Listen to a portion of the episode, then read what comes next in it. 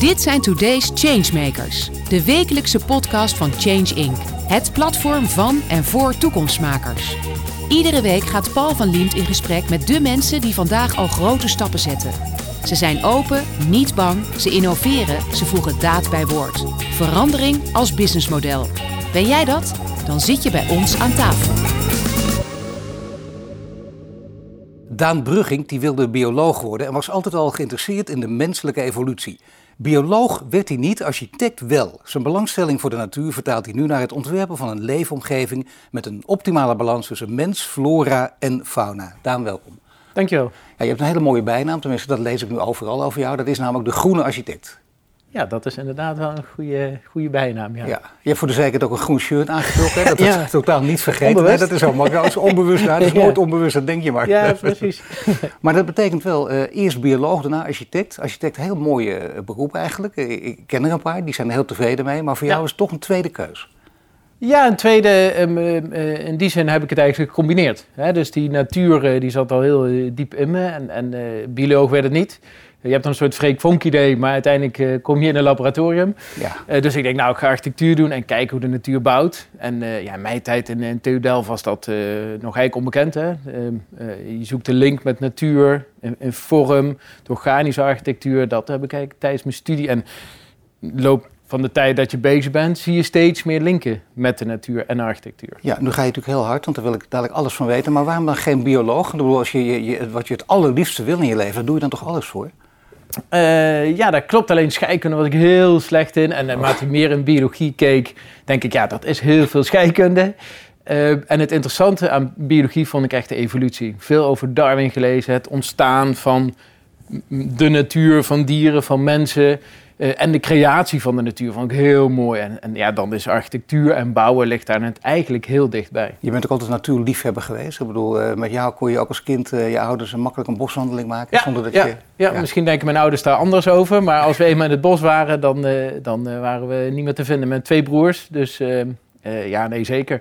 En kijk, als je dan ouder wordt en je kijkt naar zo'n bos, hoeveel daarin zit qua structuur, qua kleuren, qua natuur, qua systemen, qua bouw. Uh, ja, dat is natuurlijk eigenlijk prachtig. Hè? De natuur is eigenlijk de perfecte architect, zou je kunnen zeggen. Nee, maar daar hoef je inderdaad geen... Uh, je, je, ziet het inmiddels denk ik niet meer als tweede keuze... omdat je gewoon een hele mooie samensmelding hebt gevonden... als ja. ik je zo beluister. Maar hoe was het dan op, op zo'n TU Delft? Ben je een soort uh, vreemde eend in de bij daar, of niet? ja, dat is een goede vraag. Uh, ja, dat ja, was eindelijk, een, we zijn al vijf minuten bezig, werd ook tijd. Hè? Ja, ja, ja, ja. Nee, maar dat was een, een, een inderdaad een struggle. Ik heb er negen jaar over gedaan uiteindelijk. Zo, zo, ja, dus toen ik begon, ja, er was in de bibliotheek niks te vinden over één boekje over organische architectuur. Albers en van Huut, hè, de ING in de Belmer, wat nu appartement wordt, dat gebouw. Uh, en voor de rest over houtbouw was nauwelijks iets te vinden. Duurzaamheid was eigenlijk nog volstrekt onbekend. Karel Weber was de decaan. Oh ja. He, dus nou ja, als ik naar Karel Weber kijk, denk ik niet, hé, hey, dit maakt uh, mooie natuurlijke architectuur. Um, Zei je dat ook tegen hem of niet? nee, nee, ik heb hem nooit persoonlijk daarover. Uh, dat is ook pas later dat je. En voor de duidelijkheid, dat was een, laten we zeggen, een geweldige persoonlijkheid, maar ook een weer barstige persoonlijkheid. Ja, Daar ja, ga je niet zo makkelijk als student even mee in, in debat. Nee, tegeltjesarchitectuur, hè? Ja, de, de communistische architectuur zou ik bijna willen, willen, willen zeggen. Maar ja, het heeft ook zijn, zijn, zijn kracht ergens. Dat, dat, dat is natuurlijk als je ouder wordt. Hè, in Delft moest je verplicht de, Dorische zuilen, de Ionische zuilen. Ik heb me altijd afgevraagd waarom. Waar, wat heb ik daar nou aan om die stijlen en, en dingen te leren? Um, achteraf weet je natuurlijk wel waarom, maar, maar volgens mij moet je daar veel meer boven staan en veel meer zoals de natuur, een soort, soort alles is dat, hè, een soort overkoepelende verbinding uh, van, van ons en de natuur.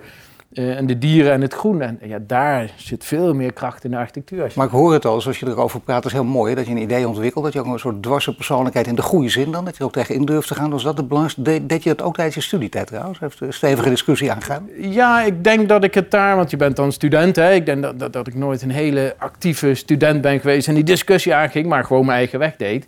En als, uh, ik heb een keer een docent gehad, die gaf een onvoldoende. Maar hij zei, ik weet niet waarom, maar ik kan je geen voldoende geven. Nou ja, achteraf denk ik, ja, ik had de discussie aan moeten gaan. Maar waarschijnlijk ging ik toen gewoon bier drinken. En denk nou, ik geloof het wel.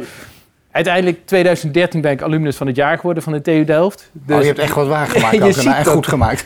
ja, je ziet, ik heb daar maar niet verteld dat ik er negen jaar over gedaan heb.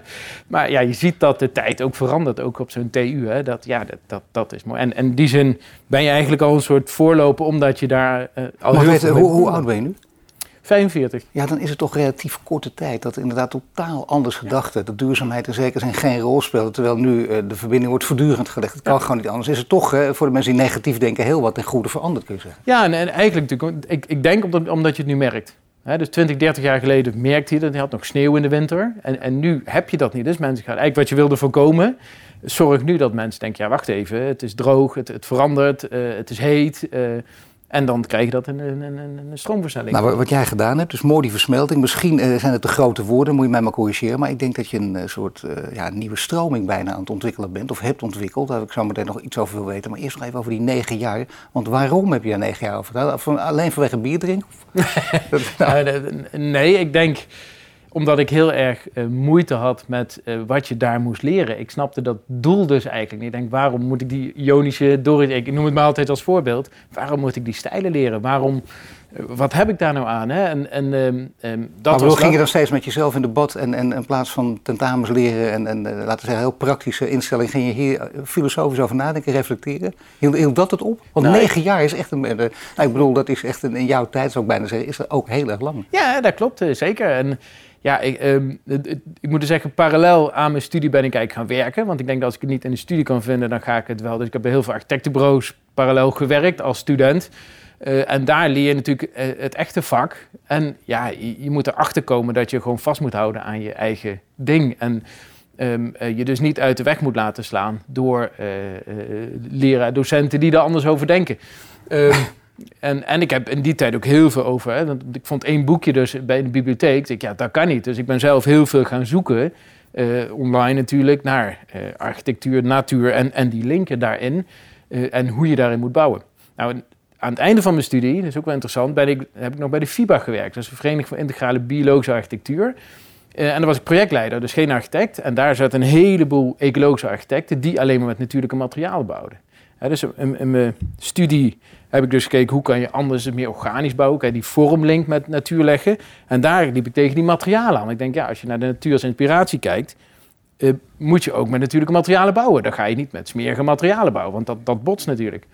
En, en dat bij elkaar opgeteld. Ik heb denk ik uh, anderhalf, twee jaar gezeten. Toen zei ik, nee, maar ik ben architect. Dus ik ga projecten maken en ik ga dat combineren. Ja, nee, geweldig. Dat is heel mooi. Ook, ook dit, hè, weer, weer tussen aanhalingstekens eigenwijs. Ik zeg het echt bij de goede zin, want dat heb je bewezen langzamerhand natuurlijk. Maar dat is denk ik ook bijna een les voor mensen die jong zijn en dat eigenlijk niet durven. Als je echt iets... Je gaat zelf op onderzoek uit. Je durft ook tegen in te gaan en niet zomaar uit, uit dwarsheid vanwege de dwarsheid, maar omdat je dat er een bepaald idee over zit, wat, wat zich een beetje nu aan het uitkristalliseren is. En, en het interessante is ook, hè, Erik van Egeraat, dat is niet een soort architect hè, die, die, ik ben, maar van hem hoorde ik een keer een presentatie, je gaat er naar die die, die, die, die presentatie, die lezingen van die bekende architecten. En hij vertelde vanuit zijn eigen manier dat hij dus dat, dat je die types en die stijlen moest leren, dat dat gewoon onzin was. En dat je eigen ding. En dat was voor mij eigenlijk een eye-opener. Denk aha, weet je wel. En niet dat ik dacht, oh, wat hij maakt is heel mooi. Maar ik dacht wel, dat is het natuurlijk. En dan ja, dan kan je ja, toch best lastig. Hier kunnen we nog een hele podcast apart over maken. Maar toch heb je die stijlen. Het idee is wel dat je gewoon je staat, je staat op de, op, de, op de schouders van de leermeesters. En zo gaat het maar door. Dat betekent eigenlijk wel dat je hooguit wat vernieuwingen kan toepassen. En niet iets radicaal anders. Dat heeft Erik van Egaat jou wel bijgebracht. Trouwens, ook iemand die met persoonlijkheid, hè, hoe je ook over hem denkt, die gewoon inderdaad zijn eigen gang durft te gaan. Ja, absoluut. Ook tegen stroming, tegen kritiek in, tegen de stroom in. Heb jij er ook veel last van gehad? Van, van mensen die zeggen, waar ben je mee bezig? Hoe kan dit nou wat je doet? Nou, eh, dat valt ja, op, de, um, op de TU Delft meer met, uh, wat, wat ben je nou aan het doen? Je moet meer in die lijn. Uh, maar daarna eigenlijk uh, veel minder, omdat je... Um, de, de klimaatontkenner, zo gezegd, daar zit ik nooit mee aan tafel. Ik denk, waarom zou ik daar met die mensen in discussie gaan? Dat heeft helemaal geen zin. Ik ga liever met mensen die dat willen. Dus je, je trekt opdrachtgevers aan. En mijn eerste woningen waren mensen die wilden echt helemaal natuurlijk, biobased, organisch bouwen. Ja, dan, en dan kan je het mee laten zien. Kun je zeggen wat, dat is of waar dat was? Want biobased bouwen, daar kan ik me, je komt dadelijk op een, op een nog heel ander begrip dat misschien wat minder bekend is. Maar biobased bouwen, heb je een bepaald idee bij? Maar wat is het precies? Nou, biobased wil eigenlijk zeggen ja, natu natuurlijke materialen. Dus de materialen die in de natuur ontstaan en eigenlijk terug kunnen groeien. Dat is een hele belangrijke, want aardolie is in principe ook een natuurproduct, hoor ik wel eens. Maar het gaat er natuurlijk om dat een materiaal in de looptijd van het gebruik, dus hè, de looptijd van het gebouw, terug kan groeien. Uh, in, in, het geval van de fossiele materialen kan dat niet. Hè? die groeien natuurlijk niet meer terug, nooit meer. maar alle hout, vlas, stro, dat zijn allemaal materialen die teruggroeien in de looptijd van het gebruik van het. En soms zelfs drie of vier keer. dat is eigenlijk de grove definitie van biobased. Maar het idee, mensen die het afschrikt, hè, want ik snap dat je niet met klimaatontkenners, dan zit je echt aan de hele andere kant. Maar je hebt ook heel veel mensen die aarzelen of het niet weten, of het eigenlijk maar gek vinden. Er zijn er heel veel van natuurlijk in Nederland. Dan, die moet je even over de streep. Want zo gek is het niet. Laat eens een voorbeeld zien. Hoe zou je die mensen kunnen overtuigen? Of in ieder geval warm kunnen maken voor dit idee? Nou ja, onze kracht, of mijn kracht, is dat ik van begin af aan zeg, je moet het gewoon laten zien. Dus we gaan het gewoon maken. Uh, dat geldt voor de eerste woningen, dat geldt ook voor zo'n basisschool die we uiteindelijk neer. Daar, dus ik hoef het nooit te beargumenteren. Ik zeg, nou, kom maar kijken. Um, er wordt natuurlijk veel gevraagd, ook voor onderzoeken van ministerie, schrijf mee, uh, biobased beter verkoop maken. Ik zeg, nou, maar ga het gewoon doen. Maar wat heb ik aan dat rapport? Hè? Dus die, ik denk graag mee, ik breng het verder, maar ik ga het gewoon doen. We hoeven het er niet over te hebben. Het is mooi dat je het zegt, maar het betekent wel aan de andere kant dat ook bij ministeries is het wel door, doorgedrongen. Dat vind ik wel een mooi verhaal eigenlijk als je dat zegt. Want dat betekent dus dat het gewoon groter gaat worden. Dat wil je natuurlijk wel, als over impact gesproken. Dat wil je. wat, wat, is dan de rol eigenlijk precies? Want het is toch al de samenwerking. Wat is de rol van die ministeries? Want die rapporten, dat begrijp ik. Dat is allemaal commissie instellen en dan duurt het alleen nog langer. dat, dat snap ik. Generaliserend, hè? Ja, ja, nee, zeker. zeker, ja, ja, nee, ik denk dat de overheid in het algemeen veel meer zou moeten faciliteren. Veel meer, minder zou op willen leggen van zo moet het, maar meer faciliteren. Hè? Dus, dus maak het meest biobased gebouw. Toon me aan hoe je dat doet, markt. En, en dan krijg je natuurlijk een hele andere ontwikkeling dan uh, een uitvraag waar je aan bepaalde duurzaamheidseisen moet voldoen en dan voldoe je. Hè? Dat, dan, dan remt eigenlijk innovatie. Dan wordt het in feite toch weer, ik zeg het ook maar nu zo scherp mogelijk, maar dan wordt het gewoon afvinken. En dat wil je niet. Nee, nou ja, dat is oké, maar eigenlijk als je dan verder wil, dat moet je juist belonen. En, en dat kan alleen als je gaat faciliteren. Maar stel dat je dat gaat doen. En heb jij trouwens het idee dat het, dat het die kant wel opgaat van dat faciliteren? Als je gaat faciliteren betekent natuurlijk wel dat je ook in het idee gelooft. Dat je, de, eh, dat je erachter staat. Ja, alleen er spelen heel andere processen ook natuurlijk. Eh, denk aan lobby's. Denk aan, eh, er zijn, we zien dan wel tenderuitvragen komen, waar ze dan de uitvraag heel erg biobased en natuurlijk is. Denken we, mooi, doe maar mee de eerste vragenronde uh, kon collega's vragen allemaal, ja, kunnen die eisen niet wat lichter? Want dan kunnen wij ook allemaal meedoen. En dan denkt de overheid, nou, hoe meer partijen meedoen, hoe beter een aanbesteding of een tender lukt. Maar eigenlijk mis je dan het doel. Want eigenlijk moet je zeggen, nee, we willen juist die hele hoge ambitie en toon maar aan. En dan krijg je, kan je het verder trekken. Ja, dat is goed dat je dit zegt. Hè. Ik bedoel, dit, dit, is geen, dat zou een beschuldiging zijn. Het is geen greenwashing, maar dit is wel de grens opzoeken. Dat mag ook. En dan kun je later op de trommel roffelen. Kijk eens even wat de geweldige resultaten wij geboekt hebben. Maar ja, wat, wat heb je eigenlijk? Dan, dan mag je daar de, de, feit, het etiket biobased niet meer opplakken. Nee, dat is een heel bekend voorbeeld, of niet meer zo bekend. Ik denk jaren 90 dat het was. Hè. De, de CEF-lijst, dat was uh, Kees Duivestein, of een professor uit Delft. Hè, die, die wel zeker met duurzaamheid bezig was. Eh, en is. Um, die zei eigenlijk uh, welk product duurzamer was dan een andere. Dus als je beton zei, nee, hout is in het geval van constructie bijvoorbeeld duurzamer. vanuit de overheid hing bij alle uh, gemeentes. en op een gegeven moment zei de betonindustrie: de overheid remt mij in mijn business. Want ja, die zeggen dat wij slecht zijn. De overheid mag dat niet. En de rechter zei: ja, dat klopt. Al die lijsten weg, allemaal weer weg. Dus je, en nou, daar zie je dat lobby of dat, dat, dat, dat het meer daar zit dan dat het niet kan. Daar nee, dat is interessant. Maar een hele moeilijke ook natuurlijk, omdat uh, lobby uh, staat in een kwaad daglicht. Dan spreek ik wel eens met lobbyisten, die hebben waarschijnlijk ook al van, nou, er is er niks kwaads aan. Dat begrijp ik heel goed. Dat is ook, ook een vak, voor, dat mag je op die manier beoefenen. Zet de boel ook op scherp. Maar inderdaad, de lobbymacht in Nederland, dat, daar heb jij ervaring mee op jouw terrein. Is die, is die echt veel te groot? Uit de klauwen Nou ja, het zit meer, um, um, volgens mij hoe slechter je bent, hoe harder je lobby gaat roepen dat het goed is. Dus met andere woorden, hè, ik, ik, hield een keer een, een, presentatie voor Vereniging van Houtskletbouwers. Hartstikke kerels, allemaal houtbouw, ik denk een jaar of zes, zeven geleden. En, maar er is geen houtlobby. Ik zeg, ja, maar ons product is toch gewoon goed? Ik zeg, ja, maar je moet je dus verkondigen. Als je product dus, product dus minder goed is, ga je dus verkondigen dat het heel goed is. Dus heb je minder erg een lobby nodig. En daar daar zit eigenlijk al een mismatch. En, en, nu zie je wel degelijk de laatste jaren dat er zo'n houtlobby ontstaat. Hè, dat er wordt geroepen, ga een hout bouwen. Maar uh, 15 jaar geleden was dat helemaal niet. Dus had je alleen de mensen die staal en beton eh, zeiden, dit is, dit is heel goed. Ja, dan heb je in feite, uh, zeker vanuit jouw optiek gezien, enorme vertraging opgelopen. Ja, ja eigenlijk wel, ja. ja. Wat, wat, wat, zou het betekenen? Ik, ik, ik bedoel, het is wel modelmatig, maar ik ben een beetje voor het vergezicht en het idee stel dat, dat, dat jij en, en jij, uh, mensen die, jou willen navolgen, dat die echt uh, de overhand krijgen. Wat gaan we dan zien? Ik bedoel, wat, wat betekent dat voor, voor Nederland als wij helemaal biobased uh, zouden zijn? Nou ja, dan um, En, als je echt het zou willen volgen, zou je het trekken naar biobased. Hè? Dan, dan, als ik dat even kort toelicht, als je naar architectuur en natuur kijkt, heb je eigenlijk vier linken. Het eerste is vorm. Tweede is materiaal, die hebben we net aangestipt. De derde zijn de natuurlijke technieken. Dat is eigenlijk ingewikkeld. Hè? Kan je van natuurlijke technieken leren en die in je gebouw integreren. En de vierde is biofilisch. Daar komen we ongetwijfeld dat zo zeggen, Maar dan ga je uitleggen, want dit is al een heel keurig college. Ik kan het nog volgen, dus het gaat goed. Ja, dus dat zijn de vier linken um, uh, tussen architectuur en natuur. En, en biofilisch wil eigenlijk zeggen um, de link tussen ons mensen en de natuur. We zijn nog allemaal 99% natuurlijk gecodeerd. Pas sinds de industriële revolutie zitten we in technische omgevingen, zoals deze ruimte bijvoorbeeld. Uh, terwijl ons DNA is nog helemaal gewend om in en met de natuur te leven. Onder de bomen, in op de steppen, onder de sterren. En biofilisch, biophilic, biofilisch, uh, wil zeggen hoe meer natuur je dus in je omgeving brengt, hoe beter je gaat voelen.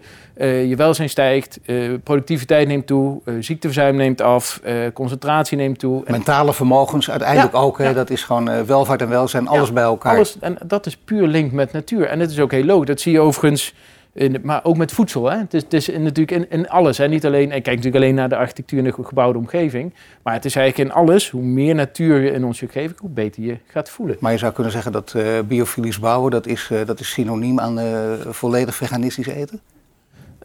nou, dat weet ik niet. Die discussie heb ik vaker, omdat wij zijn, mensen zijn omnivoren. Dus je zou kunnen zeggen, uh, je hebt het voedsel nodig vanuit de steppen aten wij ook vlees. Dus helemaal zonder is uh, uh, vragen of je lichaam... Je, je kan het, het kan veganisme, moet je goed aanvullen, want je hebt die voedingsstoffen wel nodig. Een hele andere discussie.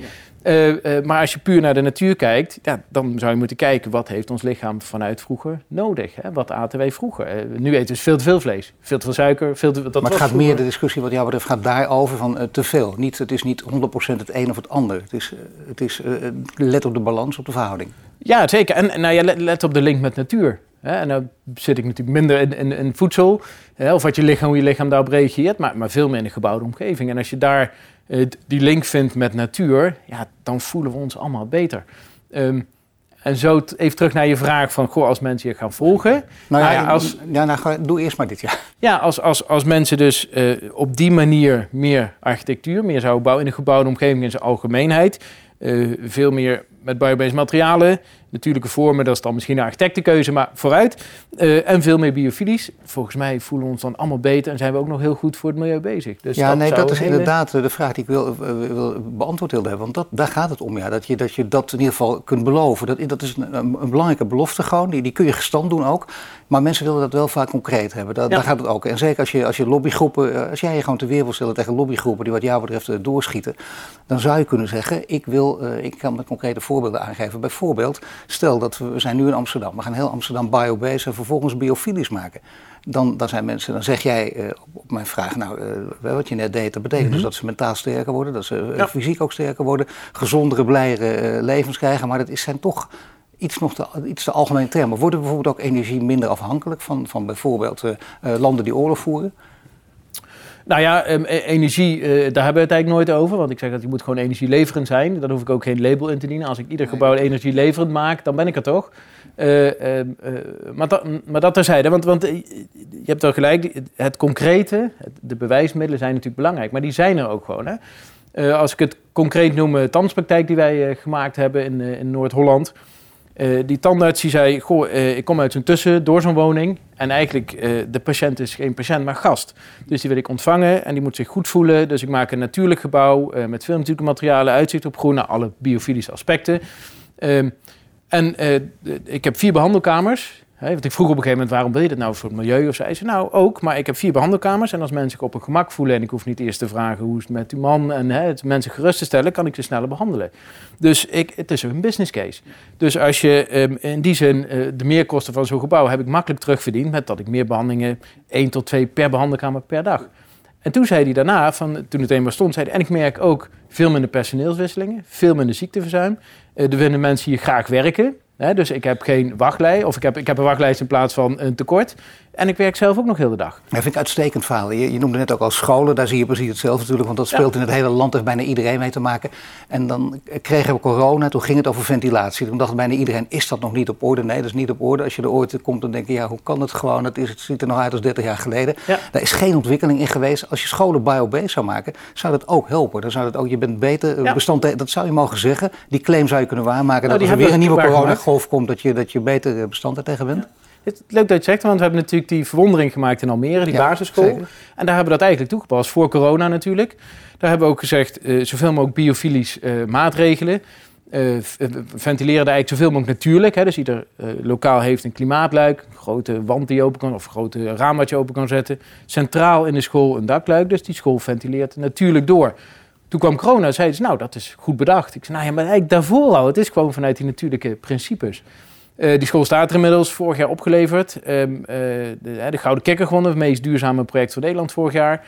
En uh, de directeur Paula die zegt, ja, ik merk het aan die kinderen. Het komt natuurlijk uit de traditionele school. Ze zijn rustiger, minder ADHD-achtige verschijnselen. Ze kunnen zich beter concentreren, betere scores. En ik nou, hou dat alsjeblieft bij. Ja, maar dat is fantastisch dat je het zegt. Want kijk, wij kennen natuurlijk de voorbeelden van de zogenaamde... Mensen zijn altijd een beetje negatief ingesteld en kijken wat gaat er mis. Dan heb je het over de ziekmakende gebouwen. Die zijn er genoeg. Ja. Ik maak het zelf ook wel eens mee. Wat is er aan de hand? Dan kom je gebouw binnen en dan... Dat is niet prettig. En dat heeft echt vaak daarmee te maken. Dus het zou... Ik begrijp helemaal dat dat enorm veel zou winnen. Maar uh, altijd de, de, de, de kostenvraag. Hè. Hoe, je, moet je daar budget voor hebben? Uh, moet, moet je als school heel veel geld hebben? Moet je als individu, uh, waar het met name in de stad waar we nu zijn, Amsterdam, lastig is. Zeker als je jong bent om een beetje een leuke woning te vinden. Ja. Vooral als je dat onafhankelijk wil doen zonder hulp van, van derden. Hoe, hoe, hoe krijg je dat dan voor elkaar als je het ook nog biobased wil? Ja, in het geval van school is dat natuurlijk iets lastiger, hè, want aan kinderen kan je geen geld verdienen natuurlijk. Dus dat zou meer een overheidsvraag zijn van, goh, uh, maatschappelijk verdien je natuurlijk enorm veel mee. Um, kijk je meer naar utiliteitsbouw, daar is het heel interessant. Hè? Daar is 90% je personeelskosten. Dat geldt ook bij zijn tandartspraktijk. Zorggerelateerde gebouwen doen we vrij veel om die reden. Um, 90% personeelkosten. Dus als jij 90% van die, en 1% is energie en 9% gebouw gerelateerd, meubels en huur. Um, en we zijn die 1% dus naar nul aan het brengen. Terwijl je zegt, we gaan met die 9% investeren, financieel gezien. Dus we maken meer biofilisch gebouw, waardoor mensen 10% meer produceren, 20% minder ziek zijn. Hè, en, en die getallen zijn evidence-based aantoonbaar. Ja, daar verdien je zoveel mee, dan is die meerkost in zo'n gebouw te verwaarlozen. Um, dus één aandachtspunt, de bouwer-ontwikkelaar moet ook de gebruiker zijn. En als de ontwikkelaar het gebouw daarna verhuurt of verkoopt, die zegt, ja, maar ik ga er niet in investeren, want die financiële benefits en gezondheidsbenefits, hè, die zijn dan dubbel, heb ik helemaal niet. Um, dus dan doen we alleen van, ja, wordt het gebouw meer waard? Als ik meer groen doe, kan ik het voor meer verkopen of verhuren? Nou, dat is uh, uh, eigenlijk de, de, de... Heel goed op de prikkels letten natuurlijk, hè, dat er geen foute prikkels worden afgegeven. Ja, ja, maar als die link hetzelfde is, zoals bij die tandarts... Uh, of het stadskantoor van Venlo, hè, dat is, is niet van ons hoor, maar, maar dat is ook een heel goed voorbeeld. Hè. Daar hebben ze, de gemeente gezegd, we bouwen ons nieuwe stadskantoor. Maar we hebben 50 miljoen, getallen weet ik niet exact uit mijn hoofd, personeelskosten. Als we daar een paar miljoen af kunnen halen doordat mensen zich gezonder voelen dan kunnen we dat in het gebouw stoppen. natuurlijk, maar die financiële prikkels zijn belangrijk. Economen hebben daar geweldige term voor moral hazard, maar daar komt het dan op neer natuurlijk. Dat moet je dan goed zien te regelen, dat begrijp ik. Maar voor individuen, mensen die zeggen het is toch al moeilijk genoeg en duur genoeg om, om eh, onafhankelijk nogmaals aan een, eh, goede woning te kunnen mhm. komen. Betekent dat je per definitie meer geld kwijt bent en dat er dan tegen je wordt gezegd, maar let op, op de lange termijn, wat heel moeilijk is volgens brein, maar over 15 jaar dan ga je ermee winnen. Uh, ja, ik denk veel sneller. Overigens, in woningen, mensen doen het thuis veel sneller. Hè? Uitzonderingen daar gelaten. Mensen zetten thuisplanten neer. Die doen een raam open. Hè? Die, die willen daglicht naar binnen hebben. Uh, dus die doen dat uit zichzelf veel sneller. Hè? Duurzame labels op woningen zijn ook heel moeilijk. Want ja, mensen willen een woning geen label. Dus, dus daar is eigenlijk het probleem het kleinst. Je moet dan weer faciliteren. Dus de woningen die wij maken zorgen we altijd dat er enorm veel licht naar binnen kan vallen. Veel ruimte is voor groen, het uitzicht uh, goed is. Uh, en natuurlijk die, die warmte- en vochtregulerende biobased materialen, die helpen daar ook bij. Um, zo steken we woningen eigenlijk, eigenlijk in. Deze ruimte waar jij het net over had, waar wij nu, uh, ik mag zeggen, een podcaststudio in ontwikkelingen. Daar moet van alles gebeuren. Dus uh, wij, wij horen heel graag wat jij erover te zeggen hebt. Want je zegt, nou, hier, uh, dit is een ruimte, dat zie je ook nog vrij basic. En hier kan wat, wat gebeuren vanuit jouw gezichtspunt. Als je dit biobased gaat maken, biofilisch misschien, wat, wat moet je dan doen? Nou ja, je hebt Want kijk, het uitzicht heb je gewoon. Ja, je hebt die uitzicht, je hebt gelukkig daglicht. voor de rest natuurlijk een studio, dus die, die, die, is, vaak, ja, die is vaak indoors. Um, maar het eerste wat ik dacht toen ik ben, ik kwam hangen een grote groenwand op. Pak één zo'n wand, hang daar een groenwand op. Dan heb je fel licht, hè, want die plantjes moeten natuurlijk groeien. Maar het is vochtregulerend, dus, dus de, de, het klimaat wordt beter, zuurstof, het is groen. Dus ik ken geen studio in Nederland trouwens waar dat bestaat, dus het zou een heel goed idee zijn om daarmee te beginnen. Dat is, Ja, dat is echt heel gek, dat ja, is waar. Ja. ja. het kan een licht zijn. Hè. Je hebt natuurlijk fel licht nodig voor die lampjes, maar volgens mij heeft iedere studio fel licht nodig. Dus ik, heel belangrijk dat, zelfs, ja. Ja, dat is heel relatief eenvoudig. En het hoeft geen ingewikkeld technisch systeem te zijn, hè. dat kan gewoon low-tech. En, uh, Jij zou het zelf zo kunnen aanleggen? Ja, het ligt bij ons op kantoor. Ja, nou, moet je met z'n tweeën zo ophangen. nou, dat is er zo te regelen. ja, nou, daar gaan we het over hebben. Ja, en dan uh, ben ik toch echt benieuwd naar dit verhaal, hoe jij zelf woont. Ik woon in een jaren twintig huis. En, uh, in een prachtige oude wijk. En kijk, want is mooi, ja. Verouderen is ook een biofilisch aspect. Hè? Je kan, tegenwoordig in onze gebouwde omgeving mag niks meer verouderen. Alles moet eigenlijk zo blijven op het moment dat het opgeleverd wordt. Terwijl als wij naar een oude kerk in Rome gaan en we zien een uitgesleten trap, vinden we allemaal prachtig. Oh, miljoenen monniken, paters die overheen gelopen. Dat zegt iets over tijd, plaats, ruimte. En dat hoort weer bij het biofilisch gedachte van toen we op de steppen leefden. Hè? Dan, dan, dat, dat hoort daarbij. Dus we hebben bij de school gekeken, kunnen we het zo maken dat je ziet waar veel kinderen lopen. Dat je, hè, uh, uh, en dat ja, is iets anders dan slijtage ja. of, of rommel of versleten. Um, dus om op je vraag terug te komen, uh, oude gebouwen vind ik prachtig. We hebben ook diverse monumenten gedaan. En ja, het zijn hele schone gebouwen. Dat is voor de industriële revolutie. Dus dat is steen, hout en glas. De rommel hebben we er allemaal later in gebracht, die halen we eruit. En we doen met biobased materialen en dat werkt perfect. Fantastisch. En zo heb ik het thuis ook. Groene wijk, jaren twintig huis, hebben we aangebouwd. Uh, veel groen, veel licht. Uh, ja, prachtig. Uh, ja, nee, dat is een, een, aspect dat ik nog niet had gezien. Al, groen en licht begrijp ik allemaal, maar ook in de oude staat behouden. Mijn favoriete Italiaanse restaurant hebben ze namelijk hetzelfde gedaan. Dat is helemaal nieuw, maar dat, dat niet helemaal nieuw. Inderdaad een paar plekken waarvan je denkt, kijk eens even, hier is historie geschreven. Hier heeft generatie op generatie gekookt. En daar hebben hele families gezeten en die traditie willen we in ere Dat is heel mooi. Maar hoe doe je dat toch zonder dat mensen bij binnenkomst meteen zeggen het is oude meuk? Ja, dat, dat, dat is natuurlijk de opgave. Hè? En die, die, um, als je naar biofilisch uh, architectuur kijkt, zijn eigenlijk, kan je het op drie manieren uh, implementeren. De eerste is eigenlijk direct. Nou ja, dat is dat daglicht, dat is dat groen. Ehm, de, de, dat je het weer ziet, het landschap ziet, de dieren ziet. Nou, dat zijn eigenlijk directe aspecten. de indirecte aspecten moet je denken bijvoorbeeld aan houtstructuren, die, natuur, beelden van natuur. maar ook die veroudering, hè, dat, dat, dat zijn indirecte referenties naar natuur. Uh, en de laatste is eigenlijk ruimte en plaats. Dus weten waar je bent, hè, uh, uh, uitzicht en beschutting. Als je dat restaurant binnenkomt, zijn er weinig mensen die helemaal in het midden gaan zitten. Ja, Trump misschien of zo. maar de meeste mensen gaan aan de zijkant zitten, dat ze uitzicht hebben. Gewoon net als vroeger. Um, ja, dat zijn dat. En, en um, um, uh, complexiteit en chaos. Een bos is enorm complex en chaos, maar toch rustgevend.